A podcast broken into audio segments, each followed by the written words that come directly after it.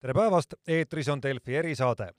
pühapäeval sundisid Valgevene lennujuhid ja sõjalennukid Minskis vahemaanduma Ateenast Vilniusesse teel olnud Ryanairi reisilennuki, et vahistada ajakirjanik Roman Pratasevitš ja väidetavalt ka tema abikaasa infot juhtunu kohta aina lisandub, ent kõik märgid viitavad, et tegu oli Valgevene eriteenistuste osavalt planeeritud operatsiooniga. Tänases saates on meil kaks külalist saate teises pooles kommenteerib juhtunut lennunduse vaatevinklist Euroopa Komisjoni liikuvuse ja transpordi peadirektoraadi peadirektor Hendrik Hololei. esmalt aga räägime toimunu poliitilistest järelainetustest Euroopa Parlamendi saadiku, sealse väliskomisjoni aseesimehe Urmas Paedaga. tere päevast! tervist! äkki alustuseks äh, puust ja punaseks, milles selle juhtumi pretsedenditus seisneb? Noh, seda, et see juhtum ikkagi on väga erakorraline, no põhjustavad mitmed asjaolud. et noh, kõigepealt muidugi see, et üldse ühe riigi õhuruumi läbivat reisilennukit see riik, mille kohal ta siis lendab, hakkab üldse ahistama ja, ja sunnib teda oma territooriumil maanduma. et noh, see on juba harukordne ja halvas mõttes harukordne, et ega selliseid näiteid on noh, väga raske üldse maailma praktikas leida, et selleks peab ju olema ikkagi nagu mingisugune väga hea põhjus Ehm, sest eh, noh, igasugune selline survestamine või ka valetamine, et eh, noh, pardal võib olla pomm või mis iganes, et see tegelikult tekitab ikkagi reaalset turvalisusohtu kogu lennukile ja, ja kõigile inimestele, kes seal on. et, et noh, antud juhul veel lisapürts ju see, et see lennuk lendas eh, ühest Euroopa Liidu ja NATO riigist teise. Ehk Valgevenega tal mitte mingisugust ju asja ei olnud, lennuk kuulub Euroopa Liidus Äh, olevale firmale ehk Ryanair. Nii et, et selles osas jah, võib öelda, et tegemist on täiesti pretsedenditu looga, noh juurde veel tuleb see, et, et kui see korraldus anti noh, sisuliselt äh, Valgevene diktaatori Lukašenko enda poolt, siis tegemist on äh, noh, riikliku terrorismiga, kus noh, lennuk kaaperdatakse eesmärgiga saada siis sealt kätte üks või, või mõni reisijat. nii et noh, see on veel omaette teema, et kuidas üldse Valgevene eriteenistused on saanud kätte reisijate nimekirja, noh, selle eeldus on see, et seda inimest ilmselt siis juba seal Kreekas ja võib-olla mujalgi on, on jälgitud,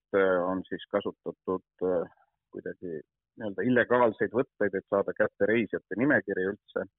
Äh, noh, lisaks, eks ole, võeti ju vabadus mitmeteks tundideks rohkem kui sajale inimeselt, kes, kellest enamik olid ka Euroopa Liidu riikide kodanikud ja nii edasi ja nii edasi, ehk siin neid nüansse miks tegemist on nagu väga ohtliku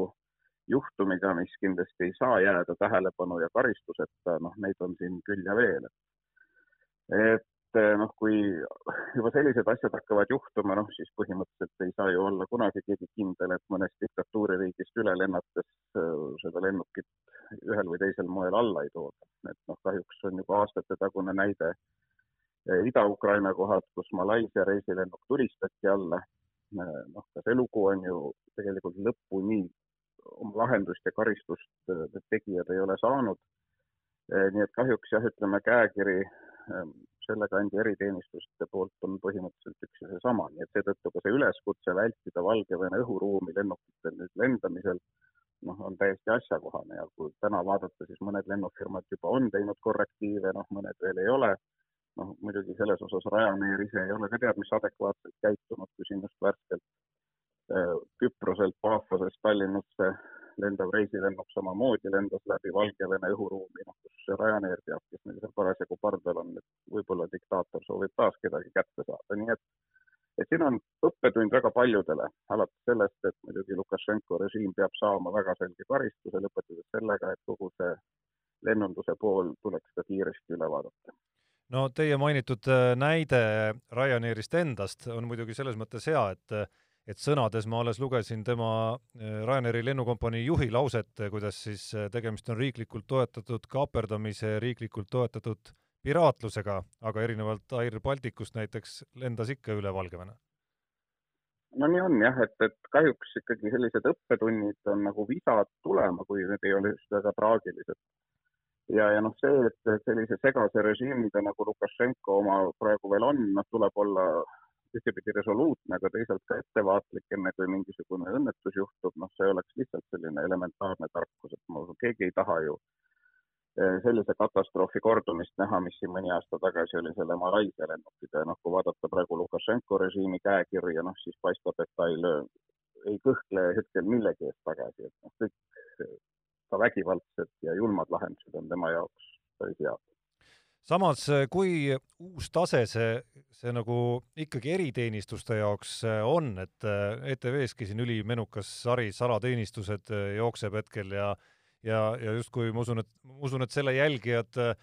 noh, loevad neid lugusid ja, ja mõtlevad ja viivad kokku seda, mida nad ekraanilt näevad ja mõtlevad, et täiesti lihtne ja geniaalne moodus, mismoodi asju ikkagi nagu lahendada enda kasuks, et et siin Eesti Ekspresski on täna meenutanud oma märtsikuist lugu, kuidas Ukraina, USA ja Türgi eriteenistused olid tegelikult plaaninud või plaanimas sarnast operatsiooni, et Vene palgasõdureid näiteks kinni nabida. Noh jah, eks ma ei tea ju, kui palju kuskil on nii-öelda teoreetilistes kavades või mõtteharjutustes seda stsenaariumi läbi käinud, aga noh, see eilne päev näitas, et jah, et, et noh, üks selline diktatuurne režiim on võimeline sellist stsenaariumi ka rakendama, hoolimata siis sellest, millised riskid või ka mainekahju eh, sellest tõuseb, sest noh, ega selliste ettevõtmiste puhul ju ei saa olla mingisugust sajaprotsendilist garantiid, et see õnnestub. Noh, alates sellest, et kui oleks olnud äh, võib-olla nii-öelda karmima käega piloot äh, veel paar minutit ja ta oleks olnud tegelikult väljas Valgevene õhuruumist äh, koos siis kogu selle seltskonnaga, kes seal lennukis oli ja pole kahtlust, et seal lennukis siis olid ka need tegelased, kes siis osaliselt seda operatsiooni läbi viisid. noh, kuni siis selleni, kui oleks, ma ei tea, lennukimeeskond ka närvid kaotanud, kui tema ümber tiitleb seal hävitaja ja, ja räägitakse kogu aeg mingist pommist ja, ja kõik on käest ära, et see oleks võinud ka väga kurvalt lõppeda, kogu see lugu. nii et, et, et selles osas seda kindlust sellise operatsiooni puhul, et kõik läheb väga hästi selle operatsiooni korraldajate jaoks, noh, kindlasti olla ei saa. ja noh, seda enam, et ikkagi see risk ja, ja ka pretsedendi ulatus on nii suur, noh siis sellele peab olema ikkagi väga selge ja otsene nüüd reageering alates sellest, et rahvusvahelisse kohtusse tuleks minna äh, kriminaaluurimisega,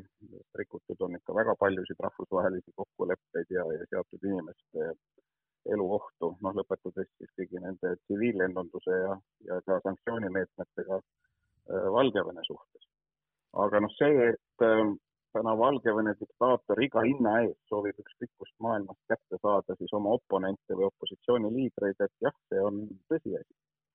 ja noh, on selge, et, et sealt Kreekast tulles, ega see opositsiooniliider või see opositsioonitegelane, see ajakirjanik,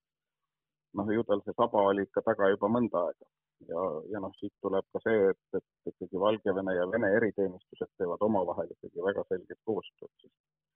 Valgevene KGB-l rahvusvaheliselt tegutsemiseks ei ole väga suurt võimekust, eks ta ikka oma partnereid teiselt pool kasutab. noh, lisaks need eriteenistused, Valgevene KGB ja tema Vene kolleegid niikuinii teevad väga tihedat koostööd. enamik Valgevene julgeolekuteenistuse inimesi on õppinud ja saanud täienduskoolitust vastavatest Vene koolidest ja nii edasi ja nii edasi, nii et noh, et see selles mõttes kindlasti ei maksa luua illusiooni, et see oleks olnud puhas lihtsalt Valgevene eriteenistuse tegevus, et, et eks see pilt on selle, selles mõttes tegelikult ikkagi laiem. kuidas te aastaid äh,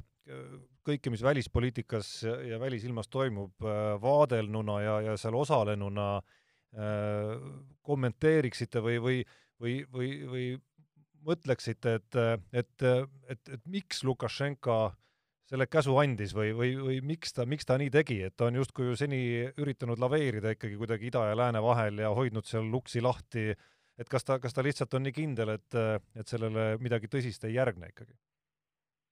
noh, tegelikult hoiaku muutus tema käitumises on olnud praeguseks juba noh, aasta vähemalt ja kõige nähtavam osa noh, ongi seotud siis eelmise aasta augusti ju valimistega, presidendivalimistega, kus Lukašenko arvas ja eeldas, et noh, kõik läheb nagu alati. et noh, ta loomulikult jätkab presidendina ja ükskõik, mis numbreid sinna siis valimistulemuseks kirjutatakse, et vahet ei ole. aga noh, nagu me kõik teame, järgnes ja kestab ju siiamaani päris ulatuslikud rahutused Valgevenes endas ja, ja ka konflikt nii-öelda läänemaailmaga, noh, on läinud ikkagi väga, väga lineaarseks selle aasta jooksul. ja, ja noh, ega siis Lukašenko muidugi tema peamine tugi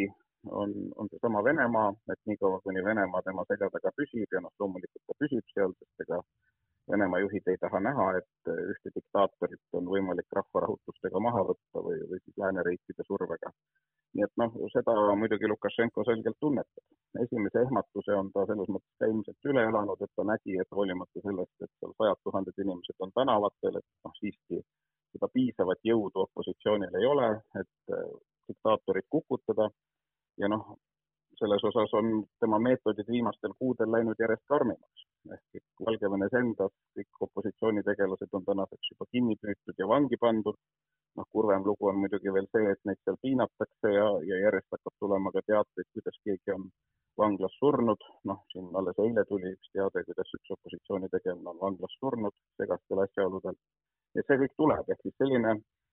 totaalse ikkagi hirmu loomine selles riigis on olnud viimaste kuude muster.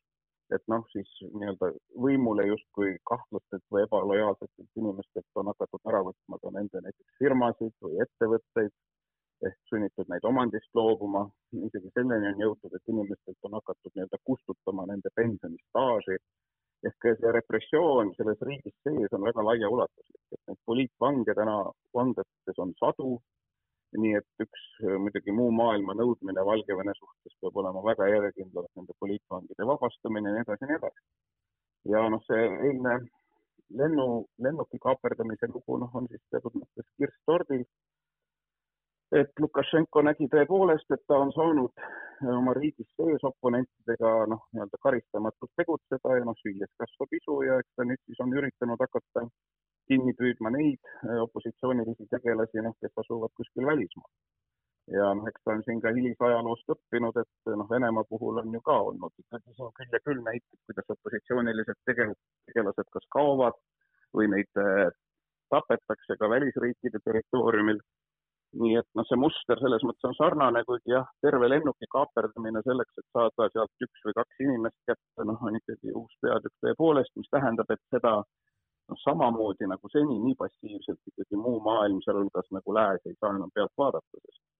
äh, ega kui, kui nüüd ka Lukašenko tunneb, et ta sellest asjast pääseb enam-vähem puhtalt või karistamata, noh siis me võime arvata, mis on see järgmine samm.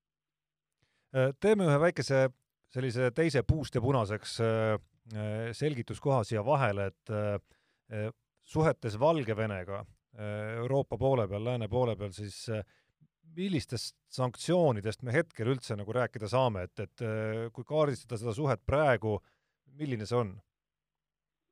no praegu on Valgevene suhtes piiranguid ikkagi küllaltki vähe, et noh, kõige nähtavam osa on see, et on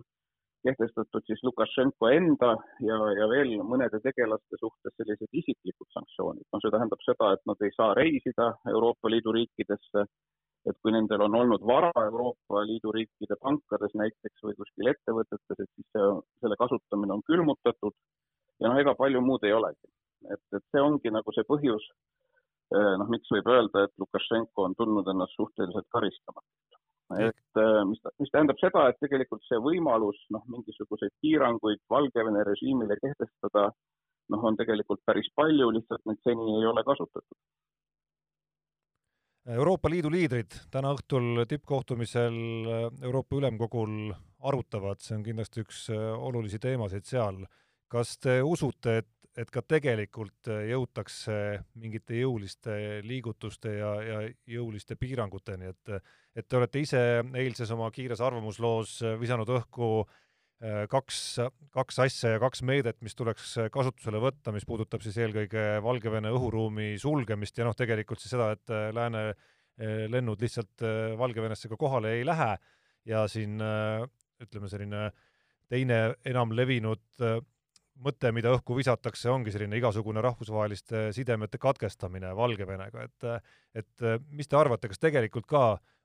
ollakse valmis minema nii radikaalsete meetmeteni? ma ei hakka vaadata, mida siis nagu praegu oleks võib-olla otstarbekas teha pärast eilset, on noh, muidugi lennundusvaldkonna piirangud, ma arvan, mingiks ajaks tuleb teha, see ongi see ülelendude siis keeld üle Valgevene, sellega Valgevene kaotab ka raha, et ta ei saa ülelennutasusid. Teiseks Valgevene lennukompanii sulgeda äh, Euroopa õhuruum Äh, noh, muidugi asjadele tuleb anda ka õiguslik käik, ehk see, mida ma nimetasin, et tegelikult rahvusvahelisse kohtusse ikkagi tuleb äh, nii-öelda selle riiklikult toetatud terrorismi pealt anda sisse äh, hagi selleks, et ikkagi need, kes on konkreetselt selle Eesti aktsiooniga seotud, ikkagi välja selgitada ja saaksid oma karistuse. Seda isiklike sanktsioonide nimekirja kindlasti Valgevene puhul tuleb laiendada konkreetsete vastutajate suhtes. Ja noh, siis on nüüd küsimus edasisest piiramisest, noh üks, mis on olnud Lukašenkole väga oluline, on näiteks sporditeema, et noh, eks ka meil kõlab siin hääli, et sporti justkui ei tohi politiseerida, aga reaalsus Valgevene puhul on see, et sport on Lukašenkole olnud kogu aeg väga oluline propagandavahend. noh, üks löök talle oli see, kui Maailma Jäähoki Föderatsioon otsustas, et Minskis ei toimu jäähoki maailmameistrivõistlusi, samas paljude teiste alaliitude võistlused, rahvusvahelised võistlused Valgevenes ikkagi toimub. nii et noh, siin võiks olla ka selge arusaam, et seni, kuni Lukašenko seal valitseb, rahvusvahelisi võistlusi äh, Valgevenesse ei, ei viida ja neid seal ei korraldata. Äh, noh, lisaks on majanduslik küsimus muidugi, et, et võib kehtestada näiteks transiidipiiranguid ka maad mööda läbi Valgevene kaupade liikumisel ja noh, võimalik on ka minna siis mingite majandussanktsioonide teed ehk mingisugused majandusvaldkonnad, mis on Valgevene režiimile olulised, et noh, nende suhtes kehtestada piiranguid ja sanktsioone. ja noh, lisaks siis ütleme ka selliste poliitiliste kontaktide eh, minimeerimine, noh näiteks võib ju, siin oli suur diplomaatide väljasaatmisaktsioon Venemaaga seoses, et noh, Valgevene on seni olnud suhteliselt puutumata, et, et samas kõik need Valgevene saadikud ja diplomaadid ja, ja ka luurajad ikkagi suhteliselt vabalt tegutsevad edasi, et, et üks pool on ka ikkagi nende tegevusele, noh, vähemalt siin Euroopa ja NATO riikides panna piiranguid peale. No.. ja nüüd tõenäosus, noh, raske hinnata, et noh, selge on see, et kõik kakskümmend seitse Euroopa Liidu riiki, noh, kindlasti ei näe asju päris ühtemoodi, nii et ma arvan, et reaalne tulemus on see, et aja jooksul ikkagi osa nendest piirangutest siiski juurde kehtestatakse, aga noh, kindlasti mitte kogu see loetelu, mida ma siin rääkisin.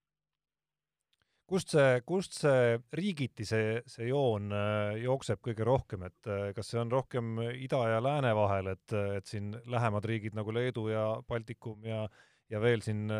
veel siin mõned on häälekamalt, häälekamalt sõna võtmas, aga kuskil, kuskil lääne pool võib-olla ei tunnetatagi seda probleemi ja seda, seda teravust nii kõvasti kui, kui siin no eks see on selline jah, klassikaline teema, et noh, samamoodi nagu näiteks Eestis või meie kandis võib-olla alati me ei tunneta näiteks Lõuna-Euroopa riikide suuri probleeme, mis neil on seotud seal mõne Põhja-Aafrika riigiga. noh, eks see on samamoodi, kehtib ka vastupidi, et mida geograafiliselt kaugemal sa oled, mida vähem on võib-olla sellist igapäevast kokkupuudet, noh, seda rohkem ükskõikseks jätab. et noh, seda me oleme siin näinud nende aastate jooksul nii sellesama Valgevene puhul möödunud sügisel, kui siis esimest ringi piiranguid, neid isiklikke sanktsioone kehtestati, kui, kui Venemaa puhul, nii et noh, see on selge, et riigid, kes on lähemal, riigid, kellel on rohkem tunnetust, et nemad suhtuvad suurema põhimõttekindluse ja kirega ja noh, siis mõned riigid, kes võib-olla on kaugemal ja, ja võib-olla majanduslikult näiteks mingis asjas Valgevenega on siis väga tihedalt seotud, et nemad on siis passiivsemad, nii et jah, see on reaalsus, et, ähm, et selline läheduse ja, ja suhete aktiivsuse printsiip sellistel puhkudel alati tuleb mängu. Äh, no ütleme, neid variante, mida teha, justkui, justkui on päris palju ja, ja on justkui olemas päris selge selline nagu mõõtkava, kui kaugele on ka võimalik minna, et kas ma saan õigesti aru, et oleks teie teha, siis te läheksite päris kaugele nende meetmete ja, ja sanktsioonidega? No minu jah, ettepanek ja soovitus ka Euroopa Parlamendi kaudu, kus ju ka see arutelu nüüd eilse pealt on vähemalt virtuaalkanalites alanud, on tegelikult ikkagi võimalikult laiapindselt äh, neid piiranguid nii kaaluda kui ka teha, et noh, ma seda ennem jah, seda diapasooni siin loetlesin ja nimetasin, et noh, minu meelest tänases olukorras tuleb kõike seda teha. Et noh, Lukašenko ikkagi on selgelt tõestanud oma eilse lennuki kaaperdamise loo pealt, et ta ei ole ohtlik ainult siis oma riigis sees teisitimõtlejatele, vaid noh, ta tegelikult on oht ikkagi juba ju laiemalt rahvusvaheliselt, et kui ta on valmis jõuga võtma maha hoopis nii-öelda asjasse puutumatuid reisilennukeid koos kümnete ja sadade inimestega, et, et noh, siis ongi küsimus, et, et kui see jääb praegu adekvaatse reageeringuta, noh siis no, põhimõtteliselt temast võib kõike oodata. ehk äh, et kas või nii-öelda tuleviku ikkagi otsese julgeoleku kindlustamiseks äh,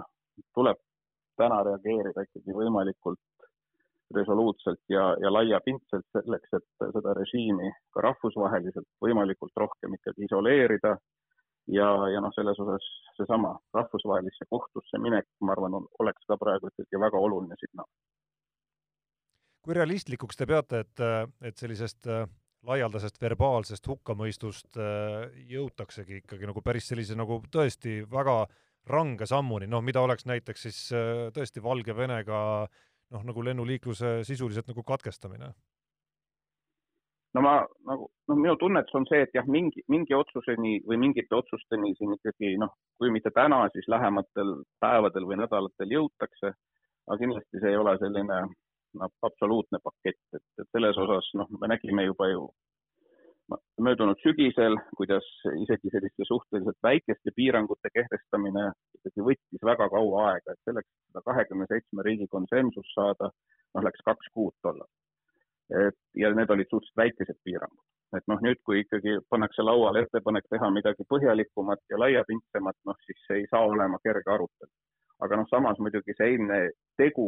on ka ikkagi niivõrd pretsedenditu, et noh, loodetavasti ka neile, kes võib-olla seni suhteliselt ükskõikselt vaatasid Valgevene arenguid, on see ikkagi selline silmaavaja, et noh, kahjuks nii nagu oli ka siin aastaid tagasi Ukraina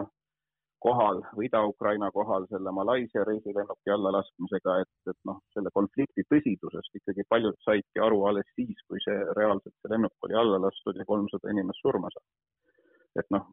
tahaks väga loota, et Valgevenega nagu ei oodata mingisugust järgmist tragöödiat, et, et siis alles hakatakse liigutama, et noh, juba see eilne äh, fakt, et Lukašenko ja tema režiim on võimelised tegema igasuguseid asju, noh, see võiks olla ikkagi selline ennetav silmaavaja, et, et tulevikus hoida ära midagi jubedamat. no teisest küljest kindlasti kõikides lääneriikides, sealhulgas Eestis, on äh, ettevõtjaid, kes näiteks ettevõtjaid, kes päris ärevil pilgul kuulavad nüüd arenguid, et kelle jaoks kindlasti oleks päris kõva põnts, kui siin Valgevene ja, ja seega ka nende ärid ära lõigatakse sealt? no eks selliseid näiteid kindlasti on, aga noh, see ei saa olla ka neile mingi uudis. see, et äh, mis nii-öelda riigiga, millise režiimiga ollakse äri aetud, ega see ei ole ju kellelegi saladus. et noh, selliste režiimide puhul nii on, et sul on võib-olla mingil ajaperioodil on väga kasulik seda teha, aga samas sa pead arvestama, et poliitiline risk on ka väga suur et noh, mingit sõltumatut majandustegevust noh, näiteks riigis nimega Valgevene ju ei ole olemas, et see on kõik ikkagi väga otseselt seotud selle riigi juhtkonna tahtega, poliitikaga ja mis tähendab seda, et riskide kaalumisel noh, seda on tulnud alati arvestada, et see ei ole mingisugune vabaturumajandus, vaid see on ikkagi seotud ühelt poolt soosinguga, poliitilise soosinguga, noh, mis mingil hetkel võib ära kaduda, et nii nagu ma nimetasin, Valgevenes endas eh, on viimastel kuudel eh, siis kohalikelt ärimeestelt võetud ettevõtteid lihtsalt tuimalt üle, kuna võimudele tundub, et nad ei ole enam piisavalt lojaalsed. nii et, et eks see loomulikult siis ju peegeldub ka väliskaubanduses ja, ja rahvusvahelises kaubanduses. suur aitäh, Urmas Paet, selle huvitava jutuajamise eest. jääme ootama huviga nii õhtuseid kui ka järgmiste päevade ja, ja teid kuulates ilmselt ka järgmiste nädalate, võib-olla ka kuude arenguid no nii on jah, et, et tegelikult eks need arengud kahjuks äh, selles võtmes jäävad püsima nii kaua, kuni Lukašenko on, on Valgevenes võimul. et, et seal midagi paremaks läheks või Lukašenko või see režiim muutuks, et noh, seda kahjuks ei juhtu. ja nüüd on mul hea meel tervitada meie saate eetris ja liinil Euroopa Komisjoni liikuvuse ja transpordi peadirektoraadi peadirektorit Hendrik Hololeid, kelle haldusalas just taoliste juhtumitega tegelemine ühest küljest peaks üksjagu minema, tere päevast! tere päevast! no ma küsin alustuseks täpselt samamoodi nagu, nagu Euroopa Parlamendi saadik Urmas Paedalt, et äh, kui pretsedenditu see juhtumine, see juhtum, mis pühapäeval aset leidis Valgevene esmalt siis õhuruumis ikkagi oli? no see on ikka päris pretsedenditu, et viimastest aastakümnetest äh, selliseid äh, juhtumeid eriti üle ei, ei, ei meenu, eriti veel, kui niisugune asi peaks olema Euroopa, Euroopa, laiemas Euroopa õhuruumis.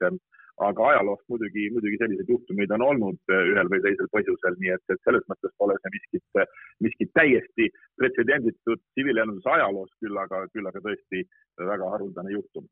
ja see muidugi nõuab seda, et tuleb ka üksipulgi lahti, lahti võtta ja loomulikult see teema on juba tõstatatud ka Euroopa eh, liikmete poolt, Euroopa Liidu liikmete poolt eh, rahvusvahelises tsiviillennunduse organisatsioonis eh, Montrealis ja, ja võib eeldada, et ka nende nõukogu arutab seda teemat sel nädalal, sellepärast et sellised juhtumid, kuna nad on ka globaalse iseloomuga, kuuluvad loomulikult ka rahvusvahelise tsiviillennundusorganisatsiooni kompetentsi. no iseenesest kui vaadata niimoodi nagu seiklusfilmi huvilisena, et, et just nagu geniaalne operatsioon. nojah, kuidas seda võtta, et, et tõepoolest ma arvan, et, see oli üks selline operatsioon, mida, mida loomulikult ei osatud mitte, mitte kuidagi ette näha. Ja, ja, ja noh, faktide põhjal saab öelda seda, et, et, et see lennuk kaldus oma eh, planeeritud eh, lennuteelt kõrvale natukene enne väljumist eh, Valgevene õhuruumis. Nii et, et tegelikult sisenemine Leedu õhuruumi oli suhteliselt lähedal, seetõttu võib öelda ka seda, et see oli nagu planeeritud ka, ka kogu selle nii-öelda äh, lennuki liikumise mõttes äh, väga hästi ja antud hetkel enam lennukil ei olnud muud võimalust, äh, kui, kui siis järgida Minski lennujuhtimise käsklusi ja loomulikult seda kõike veel omakorda sõjalennukite kohalolekul Äh, kui nüüd, äh, ma ei tea, ühest küljest spekuleerida, teisest küljest äh, tugineda siis sellele, mis selle juhtumi kohta teada on, et siis, siis teie arusaama järgi, et, et mismoodi need asjad võisid nii lennujuhtimiskeskuse lennukis kohapeal välja näha, et kogu see sündmuste jada? vot seda ma kahjuks ei julge mitte kuidagi spekuleerima hakata, sellepärast et loomulikult eks mul mingisugune oma nägemus on, aga, aga seda praegusel hetkel, kui meil ei ole fakte välja pakkuda, oleks, oleks natukene eh, ülekohtune. ma ütleksin paari asja, nimelt kõigepealt seda, et, et loomulikult eh, lennuk jälgib eh, neid, neid soovitusi ja neid käsklusi, mida, mida lennujuht talle annab, see on, see on täiesti normaalne. teiseks ma ütleks seda, et kõik riigid kes on ka rahvusvahelise tsiviillennuorganisatsiooni liikmed ja ühinenud Chicago konventsiooniga, mis on rahvusvaheline õigus, mis reguleerib rahvusvahelist tsiviillennundust, peavad tagama lendude ohutu ülelendamise, see on üks, üks fundamentaalseid sambaid üldse kogu rahvusvahelise tsiviillennunduse süsteemis ja lennujuhtide kontroll on seda tagada, aga, aga mitte kasutada lennujuhtimist selleks, et võtta kontroll lennukile või sundida ta maanduma. Ja kolmandaks, lennukapten on sellises olukorras alati eh, esimesena mõtleb selle peale, kuidas tagada eh, lennureisijate ja lennuki ohutus ja turvalisus ja loomulikult eh, sel puhul teeb ta need otsused, mis on kõige mõistlikumad, tagamaks seda, et lennuki ja lennureisijatega midagi ei juhtu ehk siis antud juhul isegi kui noh, räägime nüüd sellest, kuidas eeskirjade järgi seal, seal lennukis äh, Äh, peaks justkui nagu käituma lennuki meeskond, siis, äh, siis justkui kas, kas ma saan õigesti aru, loogiline reaktsioon või esimene reaktsioon, isegi kui tuleb teade, et, et teil on lennukis pomm või on tehtud pommiähvardus, oleks ikkagi ja. nagu Vilniusesse kohale lennata? mitte ilmtingimata, see, see sõltub jällegi täpselt sellest ajast ja kohast, tegelikult selle puhul on kõige mõistlikum kuulata äh, lennujuhtimise lennujuhtimise poolt antavaid soovitusi, reeglina kasutada selleks eh, lähimat eh, lennujaama. Ja, ja kui vaadata seda, kust see lennuk eh, kõrvale kaldus oma planeeritud lennukeelt, siis tõepoolest Vilniuse lennujaam oleks lähemal olnud, aga nagu ma ütlen, on hästi oluline kõikide detailide väljaselgitamine, me ei tea, millal algas täpselt lennujuhtide ja, ja, ja lennumeeskonna vaheline side mida täpselt öeldi, kõik see informatsioon on vajalik eh, ikkagi kõigepealt kindlaks teha, kui saab mingisuguseid eh, lõpuni ulatuvaid järeldusi või järeldusi teha, mis täpselt juhtus. Ja, ja selleks on olemas muidugi ka nõndanimetatud mustad kastid ehk siis eh, informatsioon, mis salvestab kogu lennuki teekonna, iga tema sammu iga sekundi jooksul. Ja, ja loomulikult peaksid olemas olema ka siis äh, lennuki äh, äh, kabiinis toimunud vestlused lennujuhtimise ja, lennuki meeskonna vahel, et kõik see informatsioon on vajalik selleks, et see pilt kõikidest kildudest kokku panna. kas täna, ilma et me liiga palju teaksime, võib-olla saab juba öelda ka, mida, mida täpsemalt siis nagu rikuti, ütleme siis, kui, kui rääkida päris seadustest ja reeglitest? Noh, jällegi, eks ole ma pean jälle sedasama, sama mantrat kordama, et, et, et detailid tuleb selgeks saada. Eh, kindlasti võiks, võiks täna väita, et, et antud juhul on näiteks rikutud Chicago konventsiooni artikkel kolm bis, mis väga selgelt ütleb, et relvasid ei tohi kasutada tsiviillennukite vastu. see on kindlasti üks. teine, nagu ma juba korra ka mainisin, rahvusvahelise ka, ka, ka lennu, lennujuhtimise ülesanne on tagada siis ohutu lendamine tema õhuruumis lennukitele, kes tõusevad õhku ja maanduvad või siis lendavad üle. et praegusel hetkel võib arvata, et, et Valgevene on kasutanud vääralt ka, ka, ka lennujuhtimisega seonduvaid kohustusi ja, ja kasutanud seda selleks, et võtta lennuki üle kontroll. Need on lihtsalt mõningad aspektid, mida, mida kindlasti tuleb vaadata sellest vaatevinklist, kuidas siin on jälgitud kõiki Chicago konventsiooni eh, artikleid ja, ja sellest tulenevaid kohustusi, aga nagu öeldud, eh, eks, eks see kõik tuleb, tuleb selgelt paika panna, igatahes tegemist on, nagu ka alguses öeldud, väga ebatavalise, pretsedenditu ja ülimalt kahetsusväärse juhtumiga. no selge, et lähemad päevad, lähemad nädalad, miks mitte ka kuud keskendub nüüd äh, päris palju väl-, välisajakirjandust sellele, et, äh, et milliseid sanktsioone, mida otsustavad Euroopa riikide juhid ja nii edasi ja nii edasi. kas äh, nagu lennundusvaldkonna siseselt te mainisite siin erinevaid konventsioone ja, ja, ja reeglistikke, mis kehtivad justkui nagu lennunduses, sealhulgas see, mida lennujuhtimiskeskus justkui mis, mis on nende nagu tegelik roll ja mis ei ole nende roll, et kas kuidagi nagu lennunduse eeskirjade siseselt äh, on siin ka nagu arutelu kohti ja otsustamise kohti, et, et okei okay,, mis nüüd siis nagu edasi, et kas, kas nii-öelda vaba maailma lennukid üle Valgevene üldse võiksid lennata või mitte? No loomulikult, eks, eks see tekitab küsimuse,